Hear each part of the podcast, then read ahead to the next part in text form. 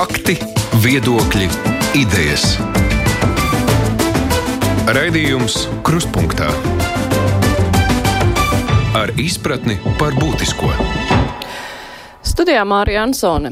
Līdz ar ārkārtējā stāvokļa ieviešanu slēgtas skolas, skolēni mācās attālināti, bet kā tas ietekmēs mācību gada beigas, eksāmenu rīkošanu, arī stāšanos augstskolās, par to šajā stundā mums ir iespēja izvaicāt, izvaicāt izglītības ministri Ilgu Šuplinsku, ar kur mēs esam saslēgušies attālināti. Labdien, Šuplinsks kundze! Labdien, Labdīna, jau pāve! Jā, un kopā ar mums ir arī tāpat attālināti žurnālisti Iļa Koziņas no portāla TVNet. Sveiks, Iļa! Labdien! Un žurnālists Sanita Uplē no portāla Delfi. Sveika, Sanita! Labdien!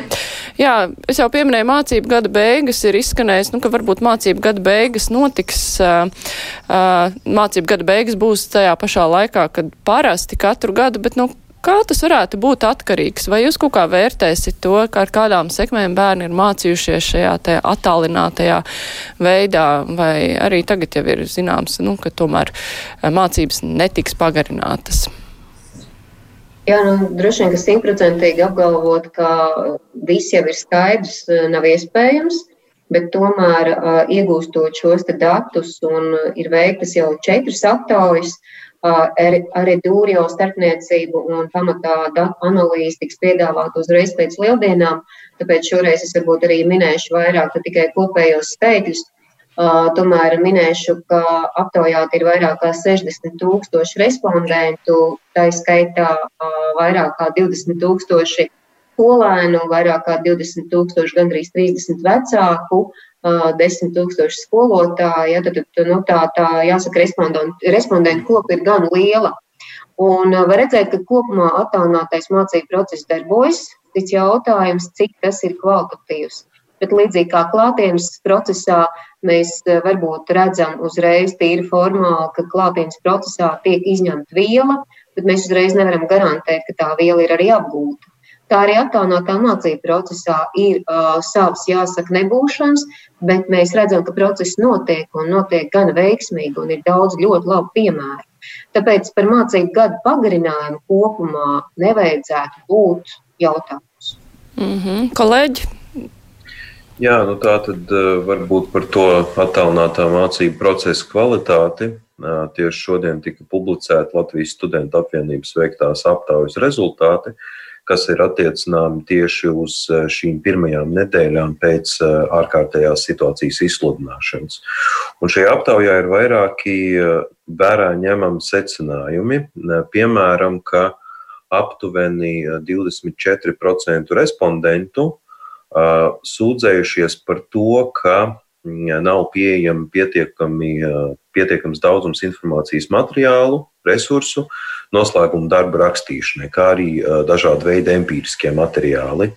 Līdz ar to daudz studenti bija lūguši šos noslēguma darba termiņus varbūt mazliet pagarināt, bet līdz šim augstskolas nebija pretīm nākošas un ir atteikušās to darīt. Nu, tad ir jautājums, ko vispār studentiem darīt šajā situācijā Un otrs, varbūt tomēr ar augstskolām ir jārunā, lai mazliet pagarinātu šos termiņus. Ko jūs teiksiet? Jā, nu tad, tad augstākā izglītība neietilpa šais četrās jau veiktajās aptaujās, bet arī augstskolām atsevišķi aptauja ir dot no izglītības un zinātnes ministrijas, un arī tās izvērtējums ir uzreiz pēc lieldienām. Es varu mazu pretjautājumu. Cik respondentu bija Latvijas studentu apvienības veiktajā šajā pētījumā? Ģenerālā kopa, tas ir nevis ģenerālā kopa, bet izlase bija 1600 respondentu no 34 mhm. Latvijas augstākās izglītības iestādēm. Tāpēc šajā ziņā Paldies, jā. Tad, kā rīkoties studentiem? Nu, pirmā lieta noteikti Mēs visi esam bijuši studenti un ļoti labi zinām, ka studentam vienmēr pietrūkst, es teiktu, nedēļa vai diena līdz tam brīdim, kad viņš iesniedz savu noslēgumu darbu. Tā ir diezgan tipiska parādība. Otra lieta, tiekoties online seminārā ar augstskolu vadību, un tas notika pagājušajā nedēļā, un tur patiešām lielākā daļa augstākās izglītības rektori vai prorektori arī piedalījās. Un tika jautāti, jāsaka, trīs jautājumi, no kuriem viens bija saistīts tieši ar noslēgumu darbiem. Lielākā daļa atbildžu bija saistīta pirmkārt ar to, ka attālinātajā mācību procesā viss tiek organizēts. Ja ir resursu ietilpīga programma, piemēram, veterināra medicīna, medicīna, mākslas, atsevišķas inženieru programmas, uzreiz tiek runāts par gadu pagarinājumu, jo tur patiešām ir nepieciešama vai nu ļoti jāsaka praktiski darbu apjoms ir liels laboratorijas darbiem, vai nu kādu materiālu izmantošanu un tā tālāk un tā joprojām. Kopumā augstskolas teica pilnīgi to pašu, ko mēs šobrīd atbildam arī par kopējo situāciju. Viss ir atkarīgs no epidemioloģiskās situācijas tālākās attīstības. Ja ir vēl izsludināts šis pagarinājums, viņi neizslēdz iespēju, ka tiks pagarināts arī sesijas un darba iesniegšanas. Ja tas nenotiek, tad ir citi šie konkrētie kritēriji. Kā rīkoties studentam, ja viņam nav informācijas? Īstenībā nu, man ļoti tas, tas specifisks tēmas, ja, jo dzīvojot informācijas gadsimtā, lietojot dažādas starptautiskās datu bāzes, zinot, ka Latvijas Nacionālā biblioteka šobrīd ir ļaus izmantot letonika, ir ļaus izmantot ļoti daudz savus resursus. Ja, ja noteikti ir kādas specifiskas lietas, bet es nedomāju, ka tās ir tādā apjomā, ka viņas nav iespējams arī. Īstenībā tas ir, tas ir ļoti labi, ka šī letonikas bāze ir atvērta un tiešām jums jāpiekrīt, man jums jāpiekrīt, ka šī informācijas resursi ir pieejami ļoti plašā klāstā. Bet tas, ar ko, piemēram, es kā students arī saskaros, ir, ka nu, tomēr ne, ne visi informācijas resursi nepieciešamie ir pieejami. Piemēram, ja izmanto tos pašus abonētos e-resursus, tad uh, universitātei pieeja ir atvērta, bet uh, dažiem resursiem tā pieeja ir atvērta tikai lietojot uh, šos resursus pašā universitātes datortīklā. Jā, un es, ja es atrodos mājās, tad Jā, es to nevaru darīt. Tas pats, piemēram, ar tur dažādiem, dažādiem ziņu arhīviem.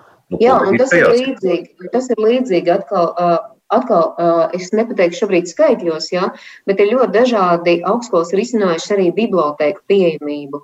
Un ļoti daudzās ir iespēja gan strādāt atsevišķās darba vietās, kas ir norobežotas, kur tu esi viens, gan arī iespēja apmainīties ar šiem resursiem.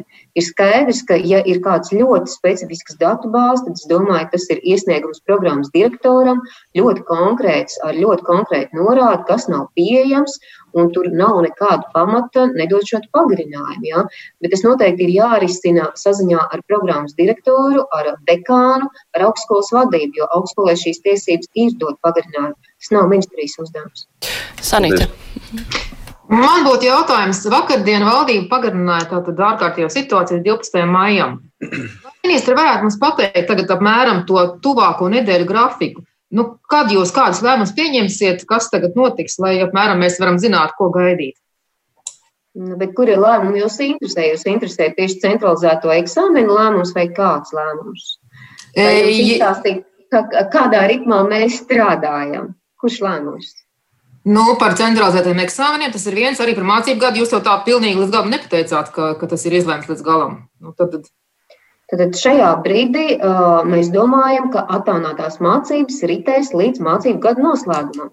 Tad, kad viņš ir paredzēts vispār izglītojošā skolā, uh, izņēmums ir augstākā izglītība, profesionālās uh, šīs te, uh, vidusskolas, jo tur ir uh, noslēgumā eksāmeni un kvalifikācijas prakses kur iespējams būs arī šie pagarinājumi. Tātad vispār izglītojošā skolā par mācību gadu pagarinājumu šobrīd nav bijis runa, un es arī neredzu, ka tāda nepieciešamība varētu rasties.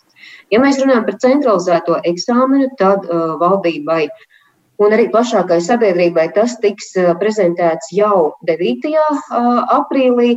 Bet, kā jau minēju, uh, mūsu rīcība programma visvairāk tiks prezentēta uzreiz pēc lieldienām.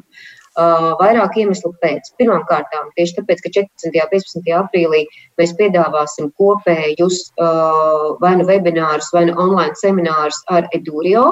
Un tad tā būs jau šo datu analīze ar konkrētu rīcības programmu, ko piedāvās Izglītības un zinātnes ministrija. Tas viens no būtiskākajiem aspektiem, kas šobrīd tiek risināts, tiek izstrādātas speciālas vadlīnijas tieši atgriezniskās saites veidošanai, jo arī šī brīža aptaujas, kas vairāk bija vērstas uz bērnu iesaistes un tehnoloģiskā uh, nodrošinājuma pieejamību, mazāk uz kvalitāti šo jautājumu. Tomēr viņas parāda, ka pirmkārt bērniem ir pārslodze, otrkārt, ka ļoti bieži tiek uh, vērtēts summatīvi ar atzīmi, lai arī Izglītības un zinātnes ministrijas ieteikums uzreiz bija vērtēt formatīvi. Proti, izmantot aprakstošos vērtējumus, izmantot tādas darba formas, kā projekts, radošais darbs, varbūt izpēte, kur netiek katreiz, katrā stundā likt atzīme. Ja? Un tad uh, būs striktāk izstrādāt atgriezniskās saites noteikumi, lai patiešām uz šo māja beigām mēs varētu izlikt gada atzīmes un varētu paskatīties, kāds ir šis kopējais vērtējums. Bet nepārspīlējot ar slodzi un ar atzīmēm. Nu, un, un, un tāda 14. 15. datums. Un vēl viens iemesls, kādēļ tieši tajā brīdī, tādēļ, ka izglītības, zinā, tas ir izglītības ministru, Eiropas ministru mm. tikšanās, 14. aprīlī. Viņi ir pārcelti, bija domāts 7. 7. notika zinātnes ministru tikšanās, un tagad 14. ir izglītības ministru tikšanās. Un šobrīd ļoti daudz valstis arī jau sniedz provizoriski, kāds būs viņu rīcības plāns. Un no šī provizoriskā, jāsaka, apkopojuma mēs redzam, ka scenāriji ļoti dažādi, bet uh, lielākā daļa valstu izvairās vēl no galīgā lēmuma. Jo pilnīgi tāpat kā mēs, viņi seko kopīgās uh, šīs te, uh, uh, epidemioloģiskās situācijas raksturojuma izvērtēšanai. Un tāpēc arī saka, lēnām būs apmēram divu nedēļu laikā, lēnām būs apmēram mēnešu laikā. Ja? Nu, vēl viena specifika varbūt ir tā, ka daudzās citās valstīs arī brīvlaiks sāks drusku vēlāk nekā pie mums, un tāpēc varbūt nav šī lēmuma. Ja? Bet, piemēram, Lietuvas šai koncepcijā ir arī šis konkrētais, jāsaka, mehānisms, ka viņi mēģinās saglabāt eksāmenus un, un daļu no tiem realizēt attālināti. Tad arī mēs esam pārnājuši šos scenārijus, kāda būs saistībā ar eksāmeniem. Un, ja sākotnēji tieši varbūt, vadoties no tā, kādas rekomendācijas sniedz veselības ministrija un konkrēti eksperti, mēs redzējām, ka šī situācija tiek prognozēta pagarinājumā un iespējams, ka nebūs fiziski laika un telpas, lai eksāmeni notiktu. Tad šobrīd šī situācija pakāpeniski mainās, un mēs redzam, ka principā centralizētie eksāmeni jūnijā varētu notikt. Bet kas ir tie galvenie, mhm, kas ir tie galvenie apsvērumi, nu, pēc kā tas tiek vērtēts, vai skolas var nodrošināt kaut kādu distanci starp bērniem, kur ir fiziski atnākuši? Nu, kas ir tie galvenie pieturas punkti, kā jūs skatīsieties, var vai nevar? Jā. Tad pirmkārt mēs sekosim, kā jau teicu, veselības ministrijas ieteikumiem. Šobrīd ar veselības ministriju jau ir bijusi šī saruna. Un viņi uh, atsaucas uz analoģiju. Proti, tieši šonadēļ, kā mēs zinām, ir lieldienas. Un viņi ir modulējuši kopā ar Tieslietu ministriju, kā neierobežot, ja precīzāk, kā kontrolēti ļaut apmeklēt baznīcu. Un šajā brīdī uh, Veselības ministrija arī saka, ja ir zināms, konkrētais skolēnu skaits, cik kurā skolā šie bērni kārto eksāmenu laiks, ja ir ievērot prasību divi uh, un divi, ja, principā tā nav problēma. Tāpēc, līdzīgi kā, piemēram, jūs vērojāt saimnes darbu, kur uh, tika ievērot šī distance, vai līdzīgi kā, piemēram, dežūrgrupiņas visu laiku notiek bērnu dārzos, vai jāsaka vēl cits profesionālās darbības sfēras, viņi saka, ka to plānojot regulāri, mēs varētu arī paveikt. Šobrīd mēs aprēķinām cik uz lielākajiem eksāmeniem, un lielākie eksāmeni, protams, ir latviešu valoda, matemātika un angļu valoda, ir šī, jāsaka, skolēnu jauniešu nu, masa, lai saprastu, vai to vispār var tīri fiziski izkārtot. Un paralēli mēs skatāmies arī uz to jautājumu, vai nav iespējams kādu daļu, un tieši mutisko daļu, organizēt attālināti. Un vēl trešais moments, kas arī šodien ir izrunāts, ka iespējams uh, ies arī saturiskais, pavisam neliels, bet samazinājums eksāmenu saturā.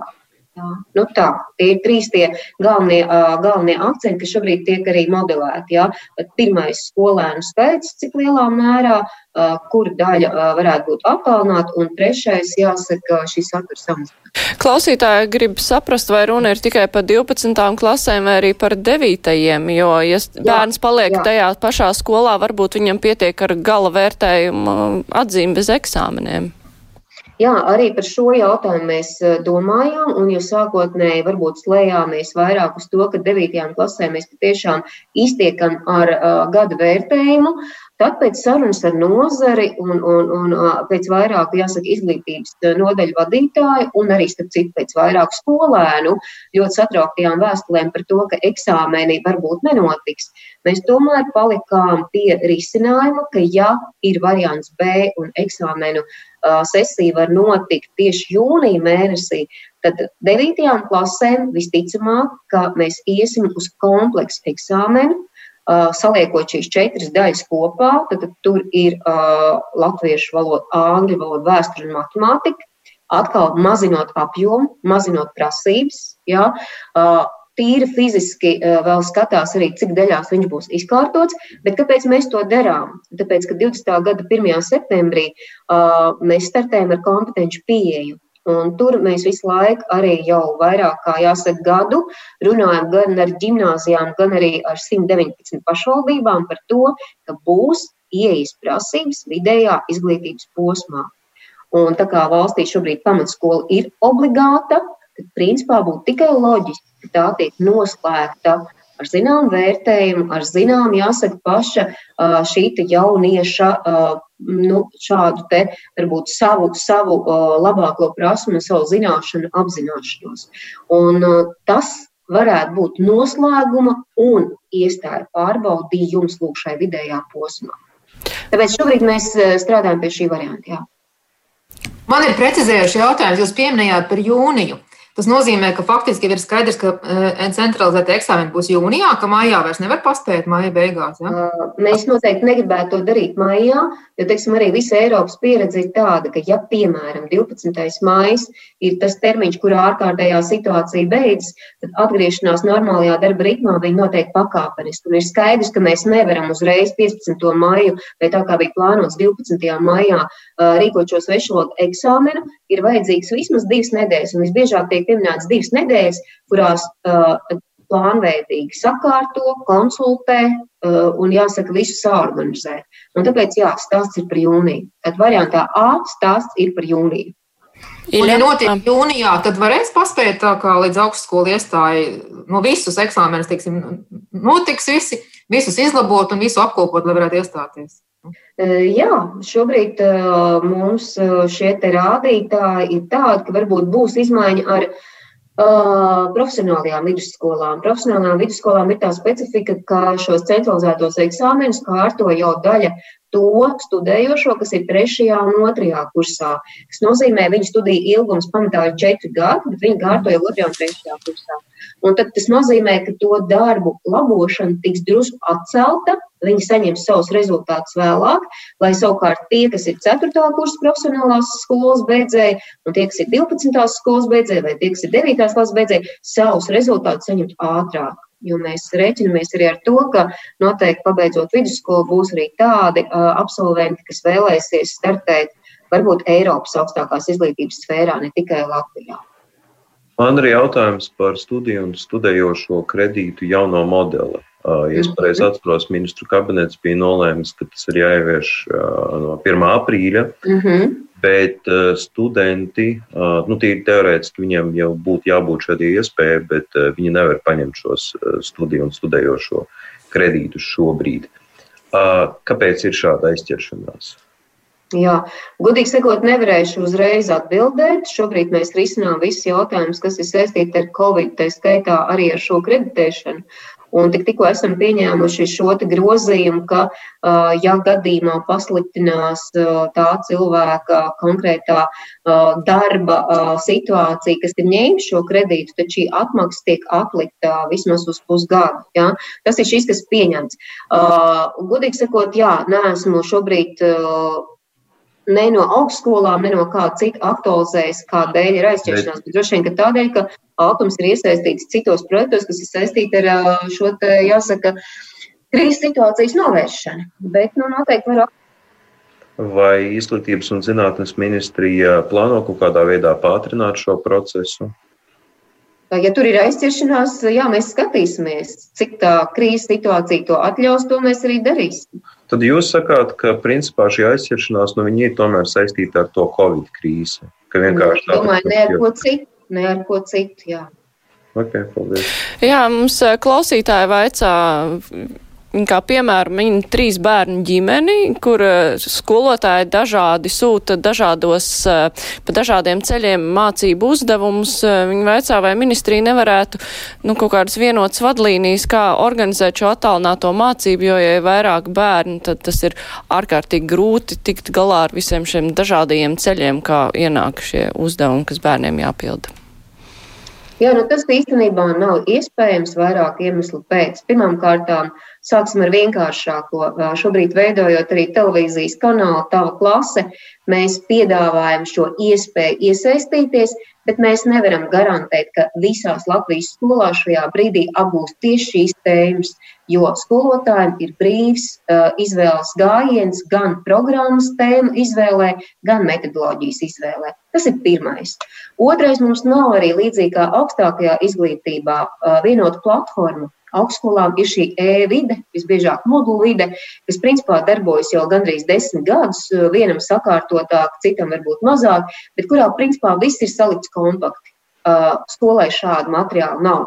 Līdz ar to skaidrs, ka skolai mēs varam noteikti, piemēram, izmantot vienu vai divus resursus, bet tīri tehniski viņi pirmkārt nebūs ar to strādājuši, otrkārt varbūt viņiem nebūs pieejamība. Ja valstī līdz šim nav bijis šīs vienotās platformas, to izdarīt divu mēnešu laikā, diemžēl nav iespējams. Tāpēc arī mēs esam lūguši, un īstenībā ļoti daudz skolas ar to ir ļoti veiksmīgi tikušas galā. Pirmkārt, katrai skolai vēlreiz izstrādāt savu rīcības plānu. Un es šeit jau varu minēt, kā ļoti labu piemēru, piemēram, Ogres pirmo vidusskolu, arī Siguldas ģimnāzija, tā piemēram, īstenībā Grobiņas vidusskola ir daudz, bet ko, kas man iekrita acīs arī pašai pārskatot šo te, uh, Ogres vidusskolas direktoru veidoto uh, šo te tiešraidi, kas bija tieši vecākiem domāta. Uh, viņi ir veikuši aptāju un, piemēram, uzreiz ir konstatējuši, ka konsultācija laiks un sazināšanās ar vecākiem ir no pulksten pieciem vakarā. Viņi respektē, ka vecāki ļoti daudz ir strādājuši. Ja? Lai viņi, piemēram, uzreiz pārskata un redz, kurā brīdī un cik daudz online nodarbības viņi var organizēt. Tad pirmais ir rīcības plāns, otrais ir skolotāju savstarpēji priekšmetu saskaņošanas plāns. Un, kā norāda arī Dūrijo aptaujas dati, 87% skolu tas patiešām tiek darīts, bet 17%, 13% uh, principā to nedara. Un tad tas mūsu ieteikums ir to obligāti darīt. Jo tas, ko arī mēs mēģinām uh, izglītojošajā kanālā parādīt, ka ir iespējams ar nelielu resursu daudzumu panākt, ka zināšanas un spējas tiek attīstītas līdzīgi. Tad nav jāpārmāc ar informatīvo vai resursu daudz, daudzējādību vai dažādību, bet ir jābūt ļoti pārdomātai un mētiecīgai uzdevuma salāgošanai ar to, ko tu izvēlējies stundā darīt. To mēs iesakām, bet, diemžēl, tā kopējā politika nav bijusi tāda, kas šobrīd ļautu uzreiz to šādā veidā nodrošināt. Man vēl jautājums par to materiālu tehnisko nodrošinājumu augstskolās. Proti, ir nu, noteiktas programmas, vai nu tas pats Photoshop, tur ir PSS, kuram augstskola piedāvā nu, savas iegādātās licences. Jā. Bet uh, bieži vien šīs licences ir datoriem, kas ir uh, telpās, un tā to visu var izmantot pašās universitātes telpās. Vai Izglītības un zinātnes ministrija plāno finansiāli atbalstīt uh, šādu, šādu speciālu programmatūru licenču iegādi tam attālinātās apmācības, attālinātam studiju režīmu? Teikšu uzreiz, ka šobrīd mēs to neesam izskatījuši īpaši attiecībā uz augstāko izglītību. Un tas noteikti atkal ir ilgtermiņa risinājums, un to mēs darām no 21. gada plānojot Eiropas struktūra fondu apguvi un plānojot šo digitalizāciju. Iespējams, ka tas ir viens no variantiem, ko arī var darīt. Ja. Šajā brīdī augstskola ir publiski atvesināta persona, tās budžetam būtu jāveidojas arī ne tikai no augstskolas dotācijas, ko viņi saņem no valsts, bet arī no citiem šiem līdzekļiem. Nu, manā ieskatā tas šobrīd tomēr vairāk ir augstākās izglītības katras institūcijas ziņā. Mēs arī neesam saņēmuši tādu pieteikumu, Uh, droši vien, ka šobrīd saņemsim uzreiz, vai ne, ka lūdzu mums šo nodrošiniet. Mēs vairāk saņemam šādus pieteikumus uh, šobrīd eh, ar līdzes starpniecību, kas norāda, ka Izglītības un zinātnes ministrijai būtu jārūpējas par katra skolotāja darba vietas iekārtošanu. Un šeit es arī uzskatu, ka ir drusku pārprasta situācija, jo tajā brīdī, kad tika noteikts attālinātais mācību process, attieksme pret pedagogu, tad, eh, tika arī uzreiz norādīts, ka Attālinātais darbs šai brīdī ir iespējams, ja pedagogs apzinās, kur ir viņa darba vieta. Netika noteikts, ka šī darba vieta ir obligāti mājās. Ja? Tad mājās es varu izvēlēties strādāt, ja man tam ir nepieciešamie apstākļi. Ja man nav nepieciešamie apstākļi, tad skola, pašvaldība to var risināt ļoti dažādi. Un ļoti daudz pašvaldības patiešām arī atzīst, ka viņas bet, ir. Eh, labi, labi, bet šajā, šajā situācijā, kad ir principā jā, jāievēro diezgan strikti pašizolācijas noteikumi, Uh, nu, tīri realistiski, ja mēs tā iztēlojamies, kur tad varētu būt tā vieta, kur tas skolotājs viņam, piemēram, mājās nav um, atbilstošas uh, datortehnikas, uh, kur viņš. Viņš var būt savā kabinetā, jo divreiz divi noteikti viņš ievēros, ka viņš būs viens pats kabinetā. Viņš var būt arī bibliotekā, ja tāda iespēja ir skolas bibliotekā. Ja? Vai tad netika noteikts, ka viņš nevar apmeklēt skolu. Jā. Jo, ja varbūt dežūra grupiņas bērngārzā, tad arī šīs moments noteikti darbojas. Ja? Tāpēc nu, šeit ir jāizvērtē, kas ir iespējamāks. Bet vai tas nebūs nu, kā, šo ārkārtas drošības pasākumu pārkāpums? Mm. Tomēr ir noteikts, ka tas nav kāds drošības no. pasākumu pārkāpums. Jā. Man ir jautājums, publiskajā telpā izskanējis ir tāda informācija, ka mazākuma tautību skolās, nu, kur bērni mācās latviešu kaut kādu daļu, ka viņiem ir lielākas grūtības. Vai jūs kaut ko, nu, šajā situācijā, vai jūs kaut ko zinat par to, vai, vai esat domājuši ko darīt? Pagaidām atsevišķi segmentētas, teiksim, arī aptaujās nav mazākuma tautību skolas, lai es varētu pateikt uzreiz, ka, piemēram, pamat problēma ir privātajās, turprat no dibinātāja, vai tieši otrādi, nu, šai, šai plūsmai raksturīgās. Ja? Iespējams, ka tas būs mūsu nākamo nedēļu arī nu, teiksim, uzmanības objekts. Jo mēs neesam pastiprināti pievērsuši uzmanību atsevišķām grupām. Kā jau teicu, pēc datu analīzes iespējams, ka tas tā būs. Bet tādas sūdzības, vai jums arī neviens nav vērsies uz ministriju, ko, ko rakstīt? Godīgi sakot, tā izteikti es nevaru teikt, ja nu, nē. Nevar teikt, ka tieši izteikti šī uh, aspekta dēļ, tieši otrādi, piemēram, esam sazinājušies ar Romānu Lievu, uh, kas pārstāv lielāko šo Rīgas klasisko ģimnāziju, un jautāts, cik veiksmīgi viņi tiek galā. Viņš apliecināja, ka viss notiek, ka arī sākuma skolā ir šīs online nodarbības, nu, kas visbiežāk ir viens no tādiem klupšanas akmeņiem arī. Un tad tāds secinājums tā kā veidojas, bet arī tam ir vajadzīgs vēl datos balstīts pierādījums. Tad, ja skola ir izvēlējusies online nodarbības, nu, vismaz divas dienā, piemēram, jā, atkarīgs no vecuma posma, tad tā koncentrēšanās darbam un arī tas darba apjoms un slodze ir kontrolētāki. Bet ir skaidrs, ka mēs arī bijām tie, kas tomēr ieteica neatkārtot, nekopēt stundu grafiku un nesākt, piemēram, visiem deviņos online līdz trījiem. Jo, ja to darītu visas 792 skolas, kuras mēs esam aptaujājuši, nu, tad, eh, principā, nezinu, vai mēs spētu vispār norganizēt attālināto mācību procesu. Ja?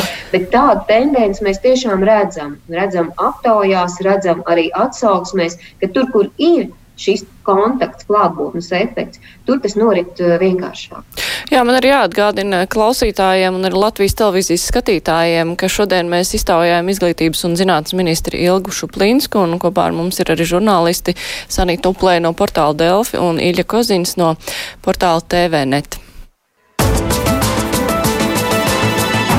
Raidījums Krustpunktā.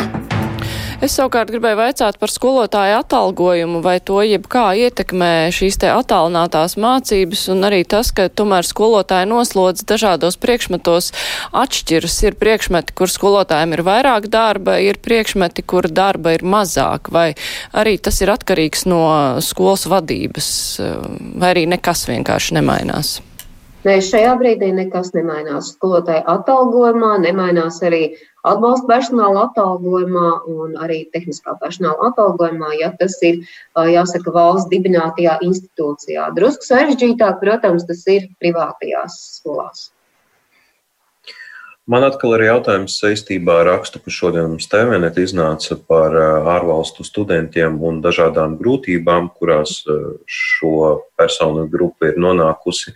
Īpaši tas attiecas uz indiešu studentiem, kas tādēļ, ka viņu valsts tagad ir pilnīgā karantīnā, nav iespējama palīdzības sniegšana no viņu vecāku puses, nu, un pamazām uh, šie studenti sāk izjust grūtības, varbūt iegādājoties sev pārtiku nu, un apmierinot tādas ikdienas vajadzības.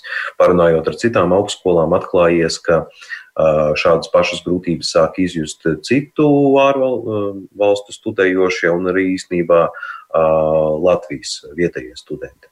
Mm -hmm. Vai un kā izglītības un zinātnes ministrija varbūt plāno atbalstīt kādos veidos cilvēkus, studentus, kas ir nonākuši šādā situācijā Covid dēļ? Jā, nu atkal īstenībā teikšu uzreiz, ka analizēt augstskolu šo aptauju, tur ir šāds jautājums uzdots, vai un kādas problēmas ir, ir, ir ar Erasmus studentiem. Kā jau teicu, pagaidām neesmu tikusi līdz rezultātu analīzei. Ja mēs redzēsim, ka tur patiešām ir nepieciešama arī mūsu līdzdalība, tad noteikti mēs risinājumus meklēsim. Pēc pamata informācijas lielākā daļa Erasmus studentu tomēr ir aizbraukuši uz savu mītnes zemi. Un, uh, mēs jau nerunājam tikai par Erasmus studentiem, arī par tiem, kas šeit nu, ir atbraukuši, lai nu, visu to uh, mācību programmu izstudētu. Šeit nav runa tikai par Erasmus.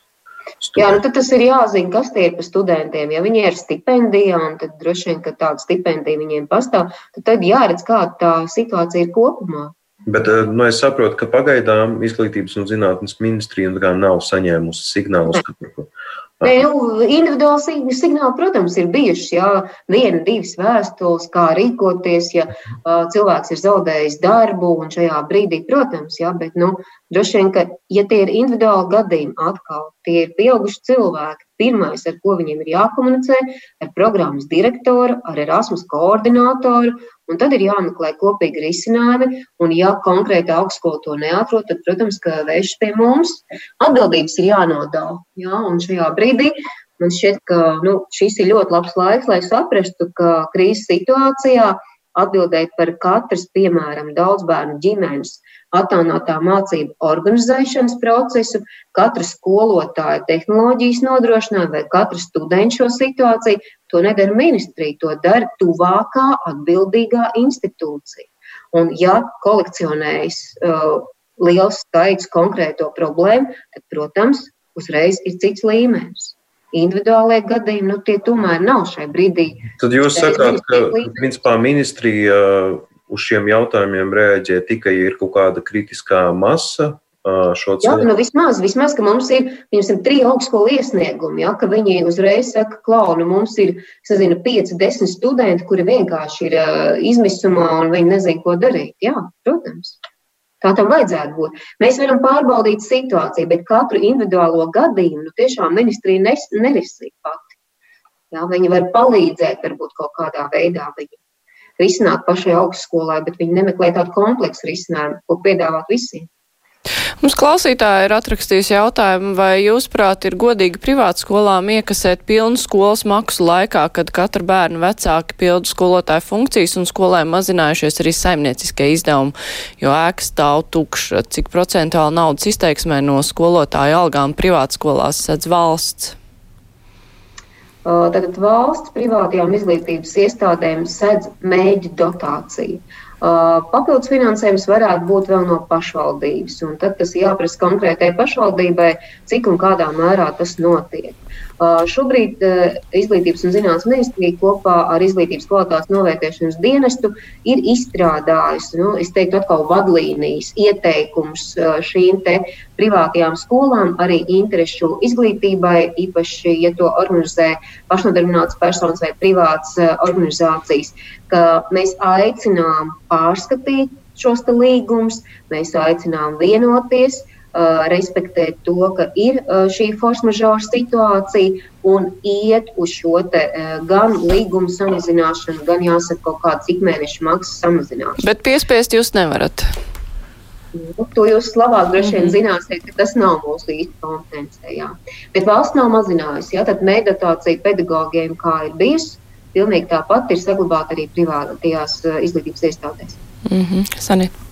Man ir jautājums par brīvpusdienām. Valdība pagājušajā nedēļā laikam lēma, ka tad, tad novirzīs to naudu arī brīvpusdienām. Un tagad es skatos, ka pašvaldības lēma, bet eh, Lielo pilsētu asociācija, piemēram, eh, sūdzās, ka ministrija neatbalstot talonu sistēmu un tam līdzīgi. Vai jūs varat pastāstīt, kas tur ir un, un ko jūs darāt? Jā, es varu pastāstīt, un droši vien ir tāda maza vēsture. Tad atkal teikoties ar 119 pašvaldībām, Mēs esam runājuši arī par šo brīvpusdienu jautājumu, ņemot vērā to, ka uh, Izglītības un zinātnes ministrija atbalsta pozīciju, ka pusdienām skolā ir jābūt. Jautājums tikai vai par visiem bērniem un jebkurā vecumā ir jāmaksā tieši valstī vai pašvaldībai. Un, uh, tas mūsu uzstādījums no laika galīgi bijis, ka uh, jā, ir noteikts ģimenes, kurām valsts palīdzība šajā jautājumā ir akūti nepieciešama. Ja, šāda saruna ir bijusi no paša sākuma. Un tajā brīdī pašvaldības ir teikušas, nē, bet tam bērnam, jebkuram nesegmentējot, ir jābūt karstām pusdienām vismaz vienreiz dienā. Tas bija pašvaldības stāsts. Tagad mēs esam drusku citādā uh, situācijā. Tagad ir ārkārtējā situācija, un patiešām, kā jau teicu, no 12. marta mēs pirmajā tikšanās reizē ar pašvaldībām, kad mums arī bija video konference, es arī lūdzu pievērst īpašu uzmanību šīm sociāli neaizsargātajām ģimenēm. Uh, mēs uzreiz meklējām iespēju kā pumpuru turpināt un domāt arī par to, lai bērniem būtu vismaz vienreiz šīs siltās pusdienas. Tik pieņemts arī šis lēmums, kas ir vērsts uz noteiktu mērķu auditoriju, tātad maznodrošinātie trūcīgie daudzbērnu ģimenes, ar nosacījumu, ka tā ir patiešām vai nu ēdināšana, vai nu arī pārtikas paka. Un šobrīd pašvaldības saka, viņām būtu ērtāk izsniegt talonus. Nu, tas ir tāds garais stāsts, ja? un uh, tad mēs īstenībā nesaprotam, nu, kas ir mainījies šeit nostājā, kāda ir bijis līdz tam no pašvaldību viedokļa uh, pirms krīzē un kas ir noticis šobrīd. Tas ir viens. Otrs moments, uh, kāpēc mēs patiešām uzstājam tomēr uz šo konkrēto ēdināšanu, nevis uz talonu, tāpēc, ka mūsu uh, mēģi grupa ir sociāli neaizsargātās ģimenes. Un mēs ļoti labi zinām, ka Ja tā ir nauda, vai ja tas ir nezinu, dāvana karte vai, vai kāds talons, viņš var tikt iztērēts ļoti dažādi. Ieskaitot, starp citu, ja mēs nerunājam pat par uh, bērna varbūt nepiemērotām precēm, vienkārši izpirkt čipsus. Varbūt arī tā var nodzīvot mēnesi, iespējams, es nezinu. Jā. Bet man tā šķiet, ka tieši šis moments, ka, nu, ja mēs esam konsekventi veselīgā pārtikā un tajā, ka mēs rūpējamies par bērnu, Mēs esam konsekventi arī šajā situācijā. Un, piemēram, Valmiera, Jūrmala ļoti labi ar to tiek galā. Sigulda ir pieņēmusi savu lēmumu, Viļaka ir pieņēmusi savu lēmumu. Ja? Tā kā risināt to var. Arguments ir, ka tas ir ātrāk, un arguments, ka ir ļoti liels cilvēku skaits. Nu, tas ir risinājums dažādi. Man tomēr neliek mieru tas mans viens no pirmiem jautājumiem par jauno studiju un studējošo kreditēšanas modeli. Vienkārši es tagad sāku domāt jā, par to, ka tas varētu tikt atlikts Covid dažādu pasākumu un situācijas dēļ. Bet īstenībā šis jau ir veids, kā to uh, situāciju grūto, kurā studenti tieši koronavīrusa dēļ ir nonākuši, kā to risināt. Jo, piemēram, jau tagad ir vairāki man zināmi studenti, kas nevar saņemt šos valsts galvotos studiju kredītus, jo vienkārši nav tā apstiprinātā mehānisma. Un nevar saņemt arī studējošo kredītus, kas nozīmē, ka viņiem faktiski nav līdzekļu, nu, lai dzīvotu. Es varu pārliecināties, ja es tiešām neesmu nākot uz šo tikšanos paskatījusies, kas notiek ar studējošo un studentu kredītu. Es tik, tikko atbildēju, kas ir aktualizēts uz šo brīdi, jā, bet var pārbaudīt, jo, piedod, mums ir šodien kurš datums? Kurš datums mums šodien ir? 7. 8. aprīlis. Jā, un tam bija jāsāk darboties 1. aprīlī. Tad, principā, nav pagājis nedēļa. Es pārliecināšos. Jā, es tiešām nepievērsu uzmanību šim aspektam šobrīd. No 1. aprīļa tam bija jāsāk darboties. Bet, nu, ja kaut kas tur kavējas, jā, mēs sniegsim papildus informāciju. Tas nav skaidrs.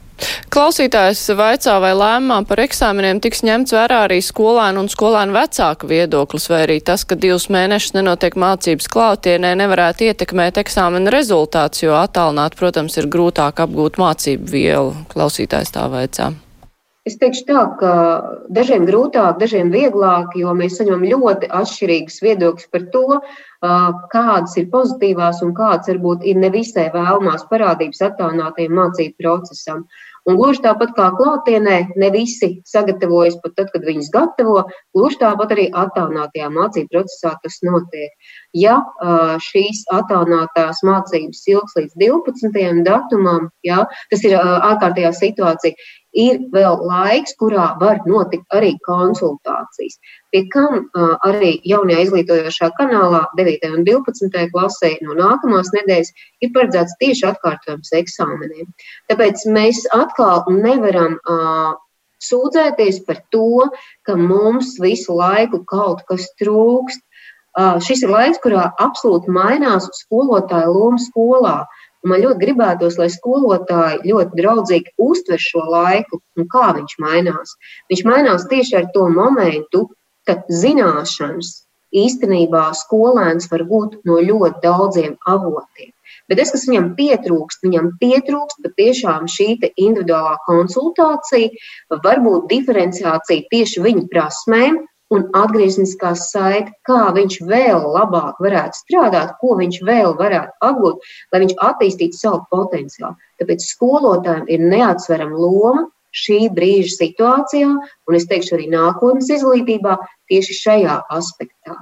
Jo vielas pasniegšana, nu, ja, ja tev atkal ir izstrādājies šis pašvadītās mācīšanās sindroms, viņš ir iespējams, bet pietrūkst tieši šī uh, kā saka, konsultanta, cilvēka, kas ļoti precīzi var uzreiz, varbūt tev uh, kaut ko izskaidrot, kaut ko parādīt citādā gaismā. Tāpēc skolotāja loma aizvien pieaug, bet viņai mainās, mainās šī, te, jāsaka, pamatu funkcionalitāte. Un tāpēc es īsti nevarēšu piekrist lūk, šim apgalvojumam, ka divos mēnešos mēs tagad, vai vēl, vēl, vēl, vēl ir cits secinājums. Ko mēs darīsim, ja mums būs kādi robi? Nu, robi ir vienmēr neatkarīgi no tā, vai tas ir klātienes, vai tas ir, jāsaka, attālinātais mācību process. Es vēlreiz atkārtošos, droši vien to teikšu, ja visa viela tiek uh, izņemta no skolotāja pozīcijām, tas nenozīmē, ka simtprocentīgi klase šo vielu ir apgūst. Nu, tas ir tas pats. Bet eh, kā ar specializētām skolām, šo skolu pedagogi un arī bērnu vecāki ir teikuši, ka tur gan ir liels problēmas, ja tas ievilksies, vai tur nevar eh, tā kā bērnu dārzi strādāt, ka, nu, varbūt ne visiem, bet tiem, kuriem ļoti, ļoti vajag tomēr šo pedagogu klātienē. Mēs šobrīd atkal uh, vēlreiz pārvērtējam šo situāciju, tad uh, īstenībā uh, tā bija arī mana kā ministrs nostāja, ka uh, šais uh, Speciālajās skolās ir nepieciešamas dežūra grupas tieši 5, 8, 5, 9 programmas bērniem.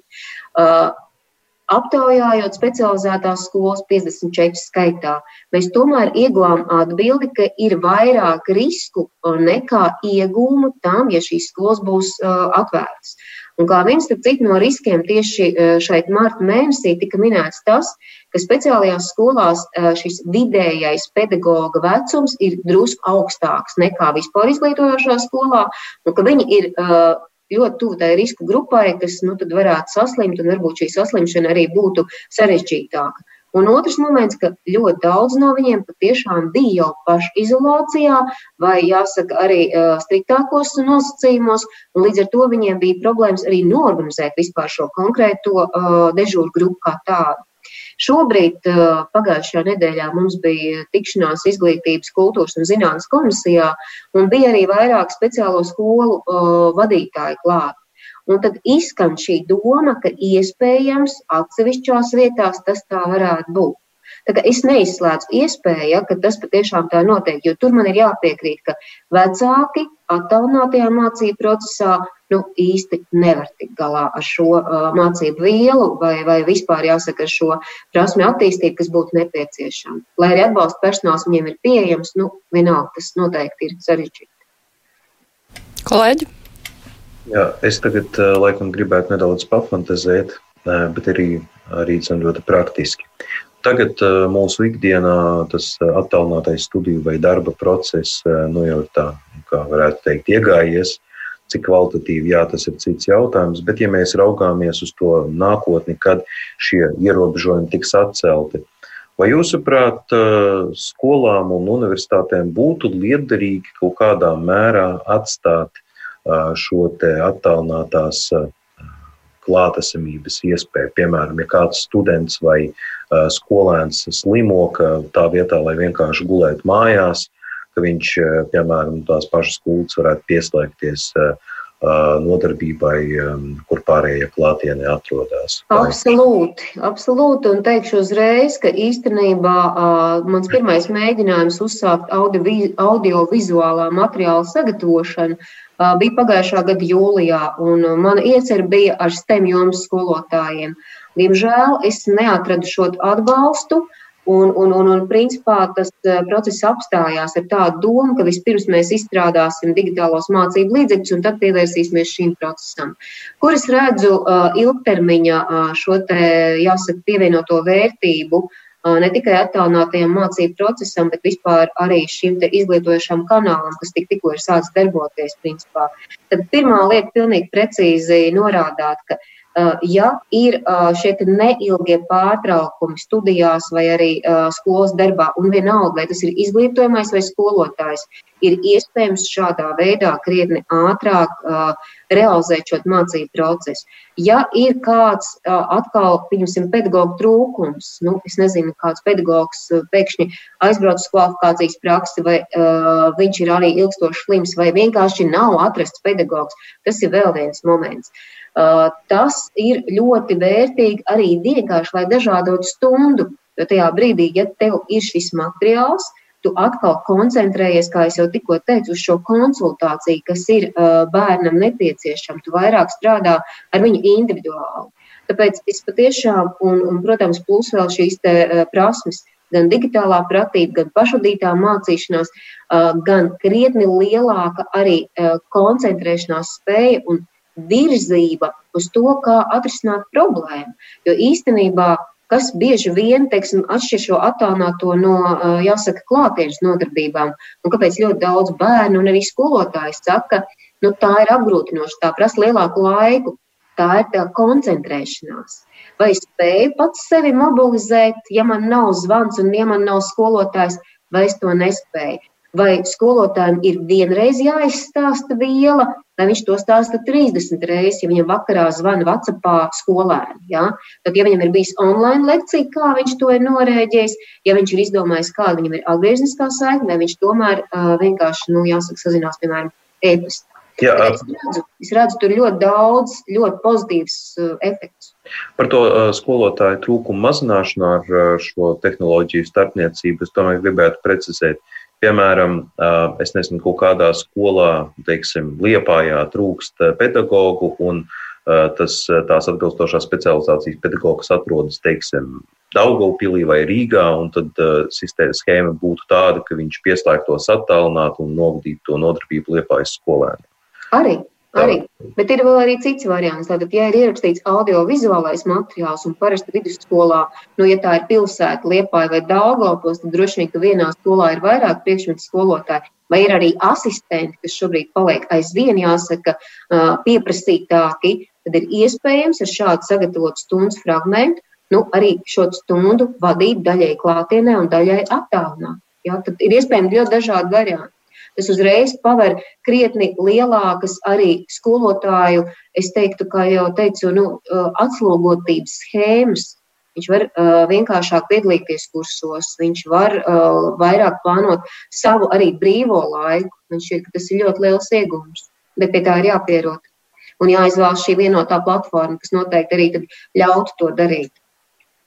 Man ir jautājums par eh, ministrijas tiem iesāktiem darbiem, kas, ko pārtrauc zināmā mērā vai apturēja šī Covid situācija. Tad skolu tīkls, augstskolu pārvaldības modelis un arī eh, skolotājiem tās naudas skolotāju algām no septembra. Kas tur notiek un vai jūs arī pie tā tiekat vispār? Strādāt. Jā, par to trešo droši vien šobrīd paklusēšu, jo jūs redzat, cik lielā mērā valsts katrā no sēdēm pārdala līdzekļus, kas ir mm. saistīti ar Covid steku likvidēšanu. Bet par pirmajiem diviem ir tā, ka darbs turpinās augstskolu pārvaldībai.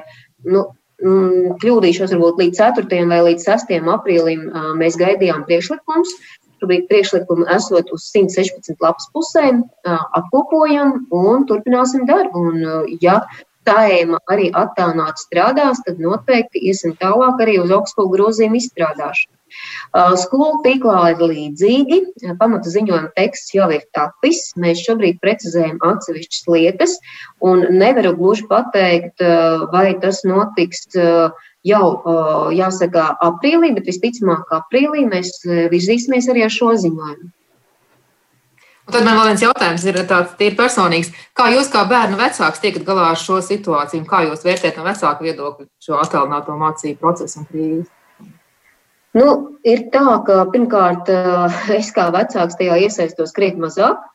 Man ir viens skolnieks šobrīd mājās, un, protams, ka neatkarīgi no attālinātā procesa mēs ar viņu jau sazinājāmies Skype un WhatsApp, un atsevišķas lietas precizējām un, un, un mēģinājām kā mums īstenībā tas nebija atklājums, ja, bet šobrīd var teikt tikai to, ka skolā, kurā mācās mans puika, es gribētu redzēt vairāk online lekcijas. Un īstenībā izglītojošais kanāls zināmā mērā risina šo problēmu.